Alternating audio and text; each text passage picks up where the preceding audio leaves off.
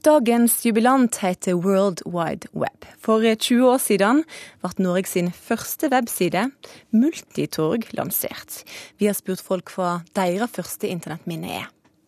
En av de første jeg husker, er en som heter uh, ulv.no. Så står det sånn ja, et eller annet sånn Ulven er et fint dyr, den spiser sau. Og så kan du trykke der, da, så kommer du til sau.no. Jeg har ikke noen sånn veldig sjelsettende opplevelse å referere til, men det var vel uh, startsiden.no med sånn spill og artikler. Mitt første internettminne var uh, å kjøpe et uh, analogt modem på Lefdal i Sandvika i 1995. Og Da lå modemene i en kurv i et hjørne av butikken, og ingen i betjeningen kunne noen ting om det. Og ingen som skjønte hvorfor all verden jeg var interessert i å kjøpe det. Jeg kan huske da Amazon kom og det var mulig å bestille bøker fra utlandet. Det var eh, kjempekult.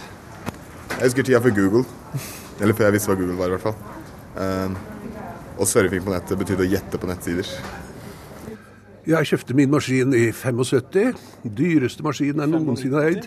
95, ja. 75 var tidlig. Og den brukte jeg mye til surfinga. Det var jo det som var morsomt på den tida, vet du. Jeg var for gammel til spill, men å surfe og var inn på vinsider fra California, husker jeg, og alt mulig sånn. Det var jo veldig imponerende at det kunne gå. Å ja, det har jeg faktisk. For jeg, jeg var på et kurs, eh, et kurs for å lære om eh, internett. Og det var jo veldig spennende greier, da. Og jeg skjønte jo ingenting. Reporter ute på gata, det var Pål Bruseth. Per Einar Dyvig, du er i dag daglig leder i VIMP. Men det var du som lanserte Multitorg Norge sin første webside. Hva var det for en side? Nei, altså Vi var en uh, gjeng med forskere på Televerkets forskningsavdeling som uh, den gangen prøvde å finne ut av hva, hvordan vi kunne komme frem til løsninger som kunne være med på å spre informasjon og gjøre den type uh, informasjonstjenester tilgjengelig for eh, folk flest. Hva var det du kunne lese om på denne her sida? Nei, Vi hadde jo et sånt eh, mantra om at eh, for oss så var det a demo or die. Vi måtte på en måte bevise gjennom prototyper hva som kunne gjøres. Og da hadde vi laget noen veldig enkle eksempler. Og vi hadde nyheter fra NTB, vi hadde forskningsrapporter som vi la tilgjengelig. Og vi hadde en museumsopplevelse, bl.a. Telemuseet. Og vi hadde for så vidt veldig enkle tjenester som hadde som formål å, å vise på en måte hva slags anvendelse man kunne tenke seg med denne teknologien. da. Litt, litt nakenhet òg, eller? Du, Vi hadde faktisk også en eh, enkel prototype på noe som var veldig uskyldig. Men det var fortsatt også med på en måte vise uh, hva dette kunne brukes til. I dag så er det sånn at uh, omtrent hele den norske befolkninga bruker internett daglig. Men hvem var det som brukte internett på 90-tallet?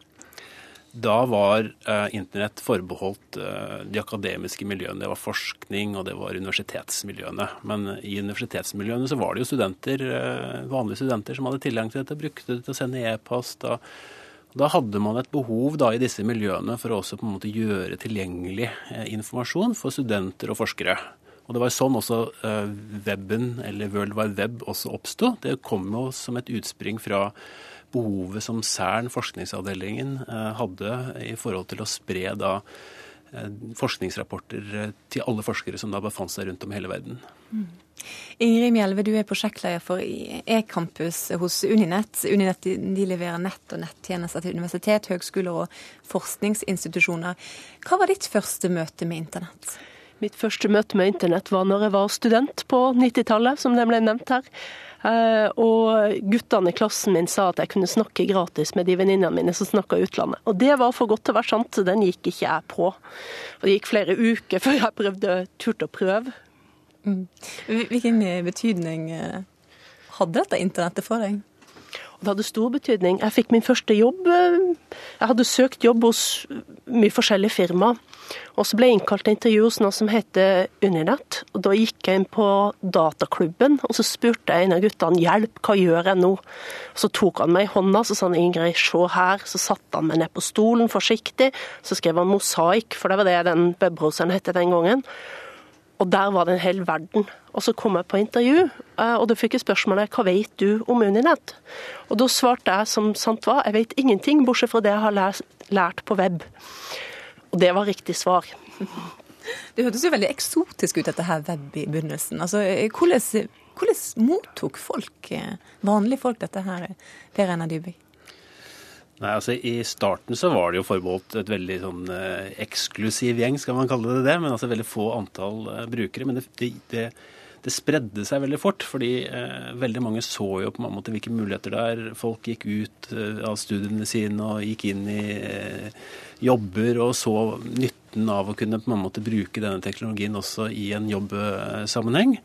Og så skjedde det også da noen ting som, som skal nevnes også, at eh, vi arrangerte OL i 1994. og eh, da var det Oslo Nett som eh, var den første kommersielle leverandøren som eh, tilbød egentlig da å koble seg til internett med, altså de modemmene som var nevnt her tidligere. Og eh, Det var det første eksempelet på eh, en tjeneste som ble veldig eh, populær. Altså resultatene fra OL i 94. Mm. Ingrid Melve, hva har overraska deg mest med internett i løpet av de 20 år som har gått? YouTube, tror jeg må si. Ikke YouTube i seg sjøl, at det finnes en tjeneste der folk kan legge opp video. For det snakket man om i 94-95, og man kunne allerede gjøre det. Og det var streaming av NRK som ble gjort forsøksvis og sånn. Men måten det blir brukt på, at ungene sitter og ser på opptak av dataspill for å klare å komme seg opp i level, eh, at det ligger ute forelesninger om alt mulig som finnes i verden. Eh, at mannen min kan slå opp oppskrifter på YouTube og se hvordan man lager eggdosis. Altså, den bruken, den så vi virkelig ikke kom. Hva overrasker deg mest, eh, Per Einar Dybvik? Som forskere så satt vi og prøvde å spå litt. Vi lagde sånn en scenario og rapporter på liksom hvordan verden kom til å utvikle seg med telekommunikasjon. Eh, og veldig mange ting var veldig sånn enkle å se. altså Ting som man gjorde i en fysisk verden, hvordan vil vi gjøre det da i en digital verden? Og Det var å selge bøker, f.eks. postordre. Det var å formidle nyheter, og kanskje musikk og kanskje film. Men det som var vanskelig å se, var jo alle de anvendelsene som oppsto som en følge av internett. Altså Google det har jo ikke hatt noen rolle i en, en fysisk verden. Det var Facebook, det var Twitter, det var Instagram. Det var sånne tjenester som oppsto kun eh, fordi at internett var der. Og det er de tingene som jeg syns er på en måte besnærende, fordi det var det veldig vanskelig liksom å se. For det løste for så vidt ikke et problem i en fysisk verden. Det var noen som oppsto fordi at alle var koblet sammen i et nettverk. Mm. Mm. Men, men, kunne en skjønne hvor dette kom til å ende? Du sier at noen ting kunne en se hva skjedde, men f.eks. i dag så betaler vi skatt eh, på, på internett. Vi møter kanskje kjæresten vår der. Er dette her noe en kunne ha forutsett? Jeg tror det er, så, det er sikkert noe som er beskrevet i noen sånn science-romaner eller eh, Men eh, jeg tror det er veldig vanskelig sånn å se på mange måter at Google oppstår først når det er veldig mye informasjon på nettet. Altså at det er på en måte eh, ting som oppstår som en konsekvens av at andre bruker internett. Facebook oppstår når det er mange kobla til nettet. og det jeg tror det er veldig vanskelig liksom, å se de der mulighetene eller de skal eh, vi si, eh, tingene som faktisk nettet kunne være med på å skape. da. Mm. Ingrid Melve, hva, hvis du ser inn i spåkula, hvordan ser jubilanten ut om 20 år? Annerledes enn i dag. Eh, det som nok er likt, det er det som vi ser nå, at alle deltar. At det at mange legger inn ting, det at man deler med hverandre, det at man klarer å finne hverandre. Altså, det finnes sikkert YouTube-videoer om colakorker. Ørekyteforskerne kan finne hverandre alle sammen. Alle fire eller fem, eller hvor mange de nå er. Den vil være der fortsatt, men måten vi bruker det på, det vil nok sikkert vært annerledes. Jeg vet ikke om vi får de her brillene de snakker om fra USA, der vi får internett på brilleglassene på innsida og kan gå rundt, og jeg slipper å huske navn lenger blir spennende å se hvor det ender dette her. Dere får gå hjem igjen og eh, finne en eh, fin kakeoppskrift på internett, og så får dere sette dere ned og feire jubilanten. Takk Per Einar Dubig, og takk eh, til deg òg, Ingrid Mjelve.